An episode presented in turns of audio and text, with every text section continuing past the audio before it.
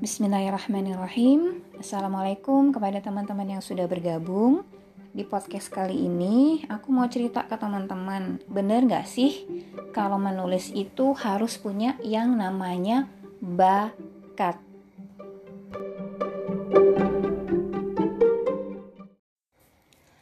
Kalau aku bilang aku nggak bakat menulis, kira-kira teman-teman percaya nggak? Seriusan kami ya nggak bakat tulis tapi novelnya udah tiga. Ya, beneran aku tuh aku tuh nggak merasa punya bakat nulis loh sebenarnya. Maksudnya sejak aku tuh SD SMP SMA bahkan kuliah itu tuh aku nggak pernah yang namanya nulis kayak artikel opini ataupun nulis di mading sekolah di mading kampus tuh nggak pernah. Paling banter aku tuh nulis kata-kata mutiara atau kata-kata perpisahan di diary teman-teman aku. Udah itu aja gitu jadi memang ada satu titik uh, di mana aku tuh merasa nggak punya bakat dalam menulis. Jadi waktu itu pas SMA kelas 3 kita dapat tugas bikin puisi dari guru bahasa Indonesia. Terus aku bikin dong, udah selesai. Aku lihat punya teman-teman yang lain gitu kan, aku baca-baca gitu kan.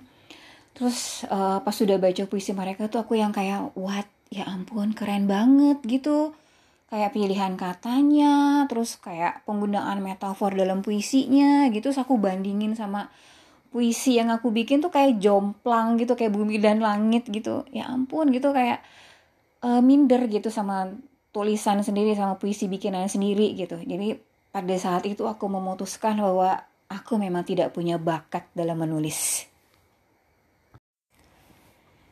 Terus gimana ceritanya bisa nulis padahal nggak ngerasa punya bakat.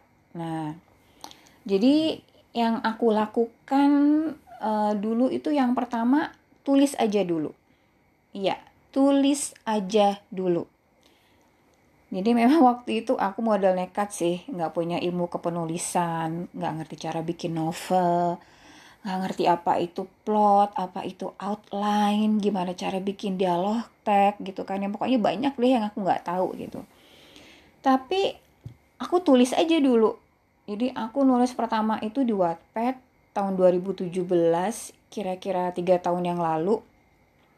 Jadi kalau aku baca lagi tulisan aku yang pertama itu um, prihatin prihatin karena yang pertama alay, kedua gaya bahasanya lebay, kemudian plotnya juga nggak jelas, ke sana ke sini gitu nggak tahu ceritanya itu mau dibawa ke mana gitu kan sampai aku nulis itu sampai berlarut-larut konfliknya sampai 100 bab gitu kan melebihi sinetron Indonesia banyak banget babnya gitu tapi kalau tulisan pertama masih kayak gitu masih banyak kekurangan sih wajar gitu karena tulisan pertama memang nggak selalunya langsung jadi bestseller gitu. Jadi kita step by step gitu kan ada anak tangga pertama yang harus kita langkahi.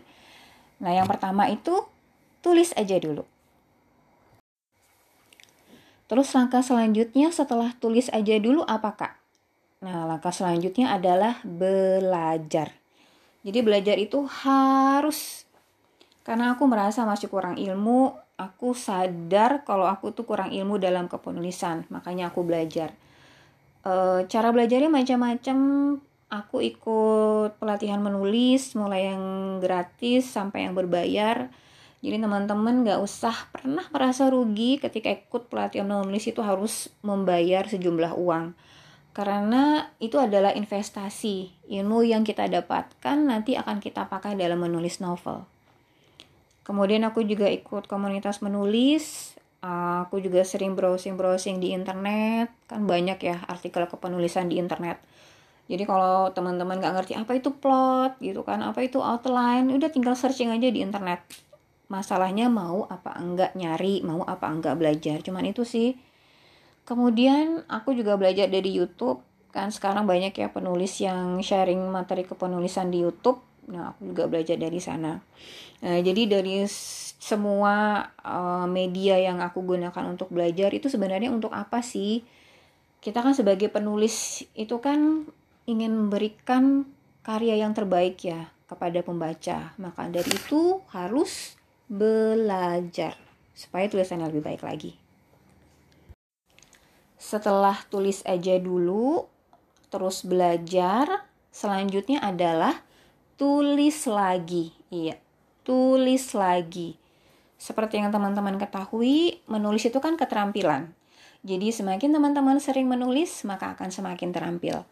Sama kayak masak, kita pertama kali masak mungkin masak air aja gosong.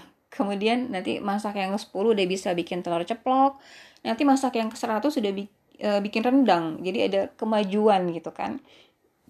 Uh, sama menulis juga gitu. Jadi semakin kita sering menulis, maka tulisan kita akan semakin tajam. Jadi ini juga aku praktekin dalam tulisanku. Jadi setelah aku nulis dulu, aku belajar, aku nulis lagi. Aku udah selesai satu cerita, aku pindah ke cerita yang lain terus gitu. Jadi akan terasa perbedaannya. Jadi cerita yang pertama aku tulis dengan cerita yang kelima, dengan cerita yang ke sepuluh, itu kelihatan ada peningkatan ada perbaikan kualitas dalam tulisan aku. Baik itu dari segi karakter, dari segi plot, dari segi gaya bahasa, itu terasa ada peningkatannya.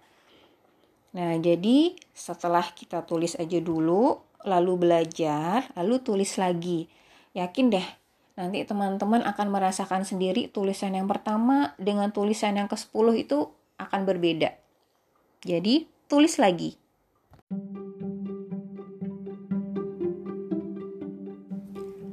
Mungkin teman-teman sering mendengar pernyataan bahwa kesuksesan itu tidak sepenuhnya tergantung dari bakat. Bahkan bakat mengambil porsi yang sangat kecil. Coba teman-teman bandingkan. Lebih baik punya bakat tapi nggak nulis atau nggak punya bakat tapi nulis. Teman-teman pilih yang mana? Kalau buat aku yang paling penting itu adalah ikhtiar yang sungguh-sungguh kalau teman-teman beneran kepingin jadi penulis, yuk ikhtiar yang sungguh-sungguh dalam menulis. Teman-teman bisa coba tips dari aku tadi. Tulis aja, belajar, tulis lagi. Karena menurut aku semua orang bisa menulis. Bukan persoalan teman-teman punya bakat atau nggak punya bakat. Karena semua orang bisa menulis. Itu dulu podcast aku kali ini. Insya Allah kita sambung lain waktu terus menulis untuk kebaikan, terus menulis untuk manfaat. Assalamualaikum warahmatullahi wabarakatuh.